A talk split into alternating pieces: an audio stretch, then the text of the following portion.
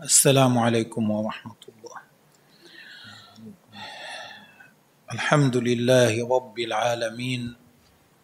له النعمة وله الفضل وله الثناء الحسن.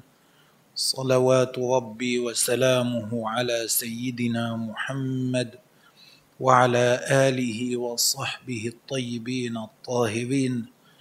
الله أسأل أن يوفقني ويوفقكم لما يحبه ويرضاه وأن يرزقنا النية الصالحة.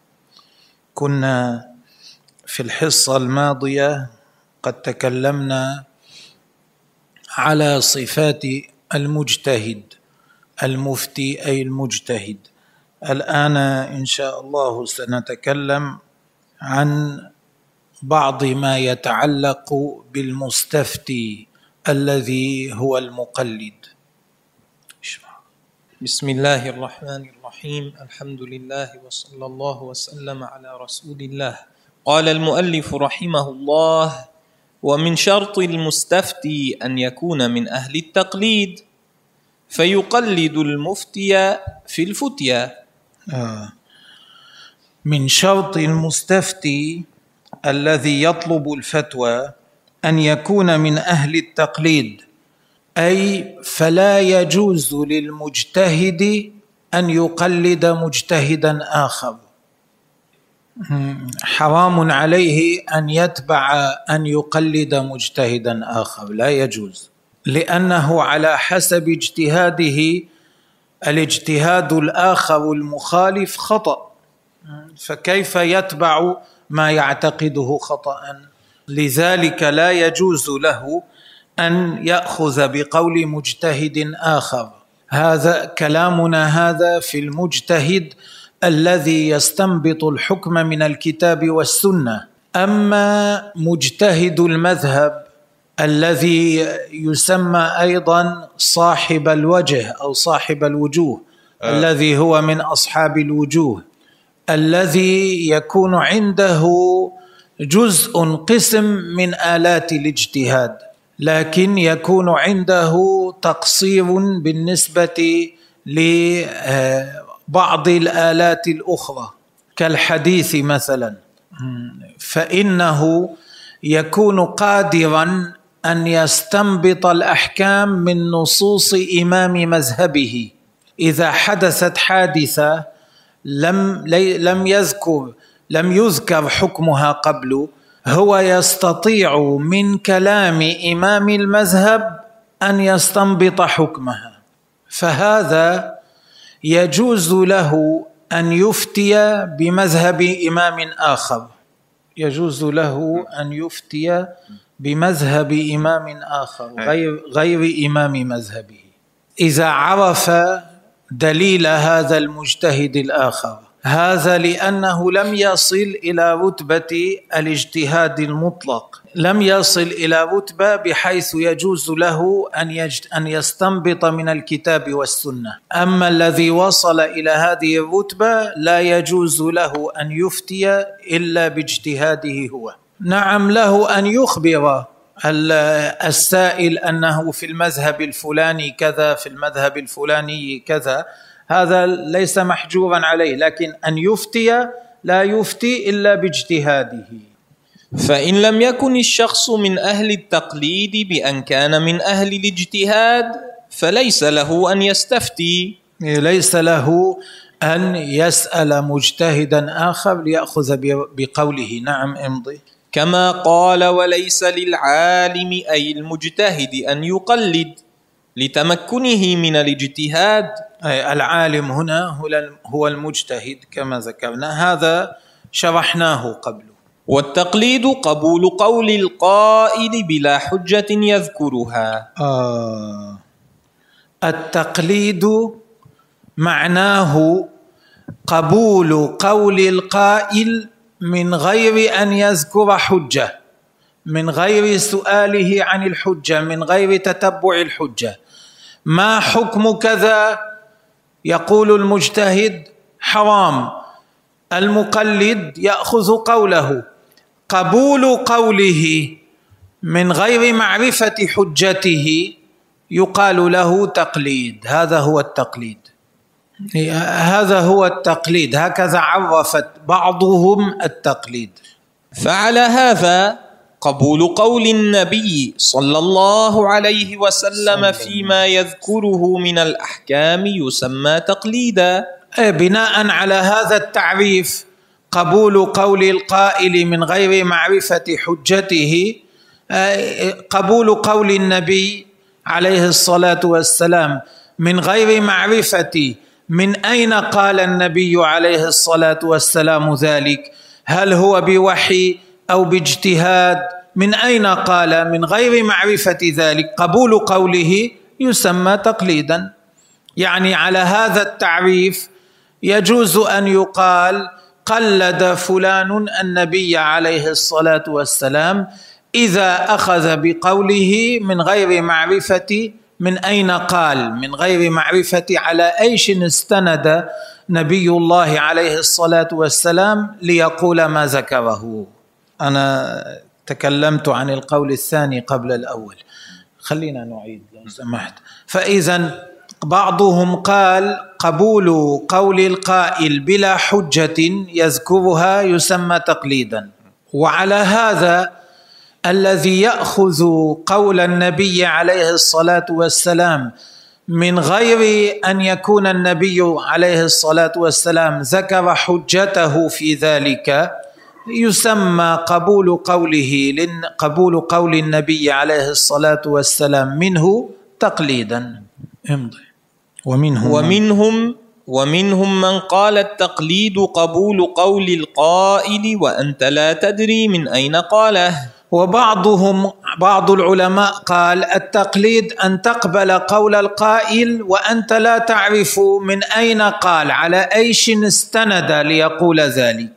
أي لا تعلم مأخذه في ذلك نعم. فإن قلنا إن النبي صلى الله عليه وسلم كان يقول بالقياس بأن يجتهد فيجوز أن يسمى قبول قوله تقليدا لاحتمال أن يكون عن اجتهاد وإن قلنا إنه لا يجتهد وإنما يقول عن وحي وما ينطق عن الهوى إن هو إلا وحي يوحى فلا يسمى قبول قوله تقليدا لاستناده إلى الوحي.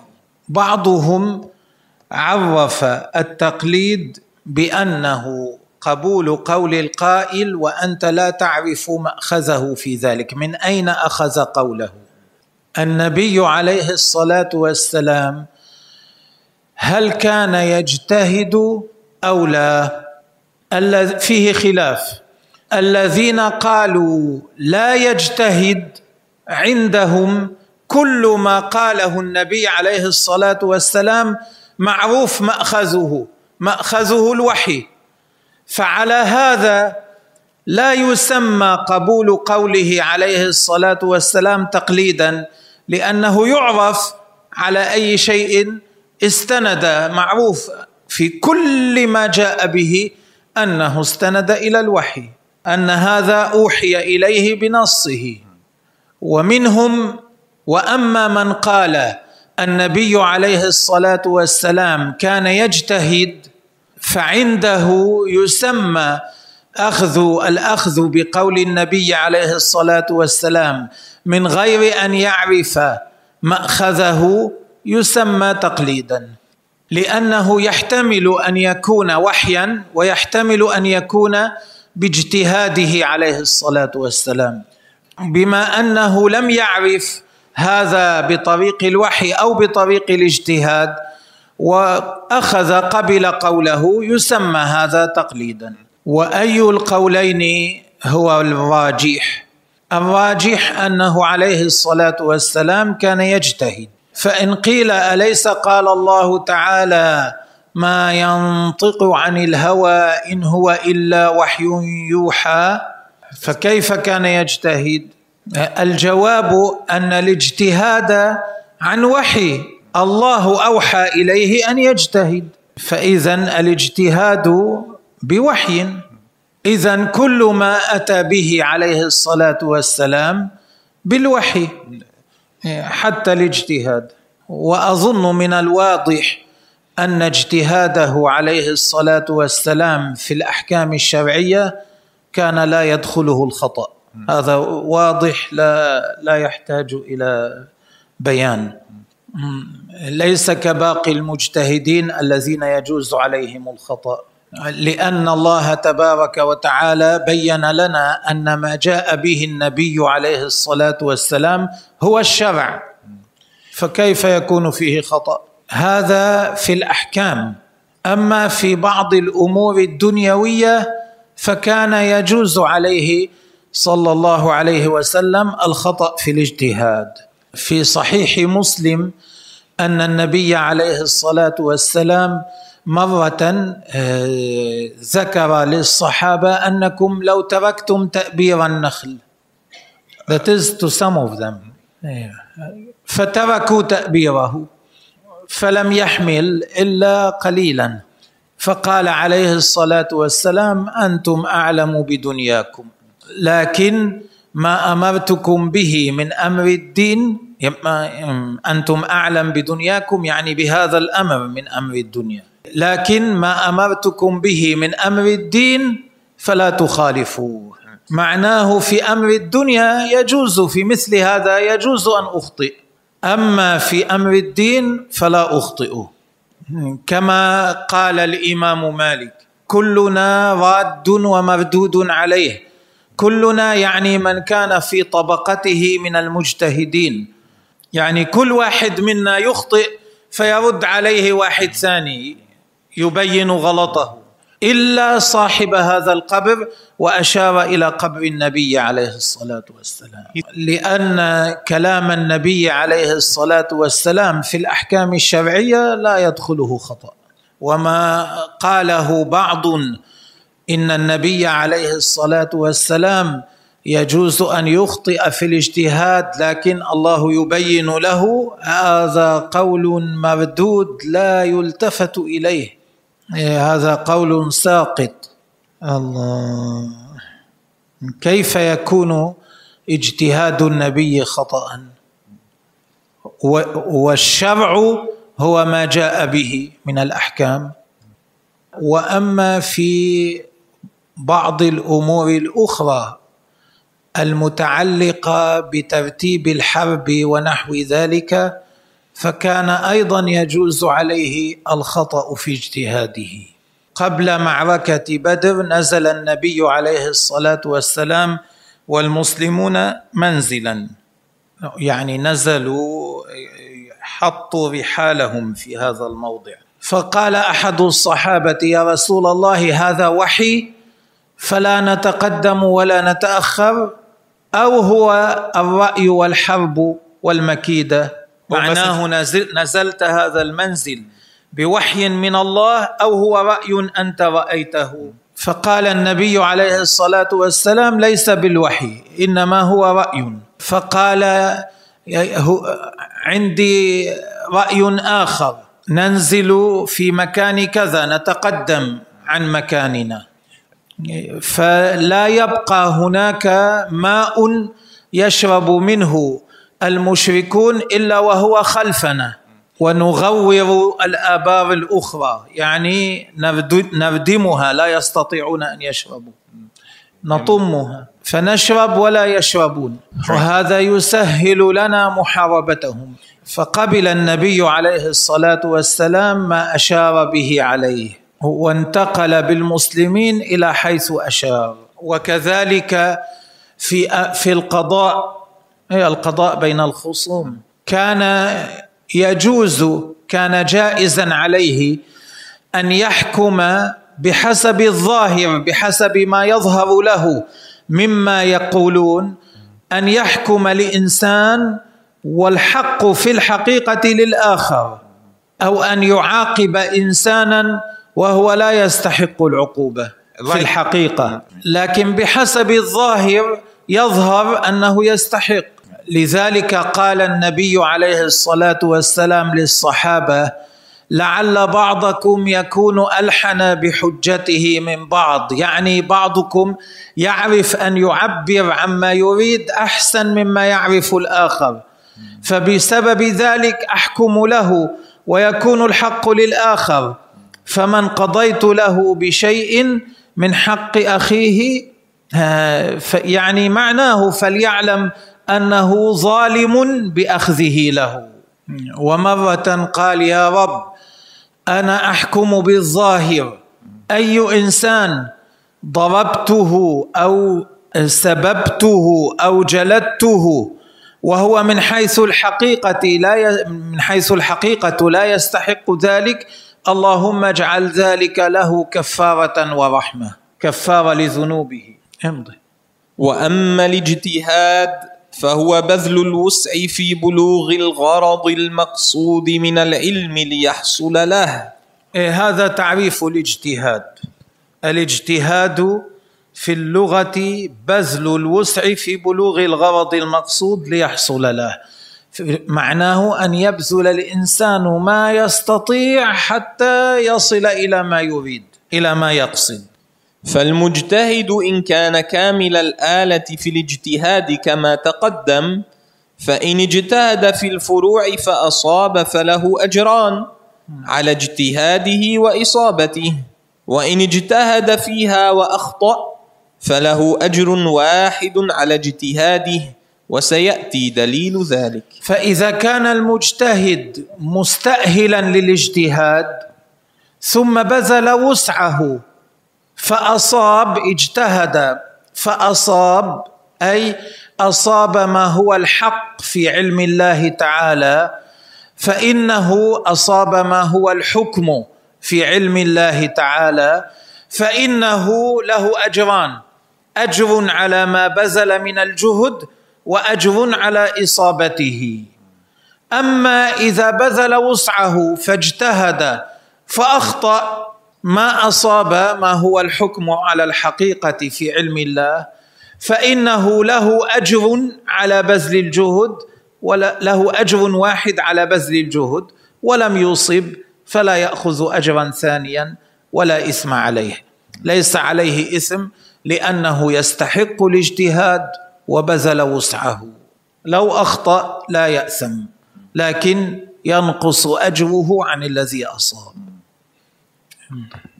ومنهم من قال كل مجتهد في الفروع مصيب. وبعض العلماء قال كل مجتهد مصيب. لو واحد قال اجتهد فقال هذا حلال والمجتهد الآخر اجتهد فقال حرام الاثنان مصيبان. هؤلاء قالوا حكم الله في حقه وحق من يتبعه ما أداه إليه اجتهاده. هذا هكذا وهذا هكذا. الذي أداه اجتهاده إلى أنه حلال حكم الله في حقه وحق من يتبعه أن هذا الأمر حلال. الذي أداه اجتهاده إلى أنه حرام حكم الله في حقه وحق من يتبعه أنه حرام.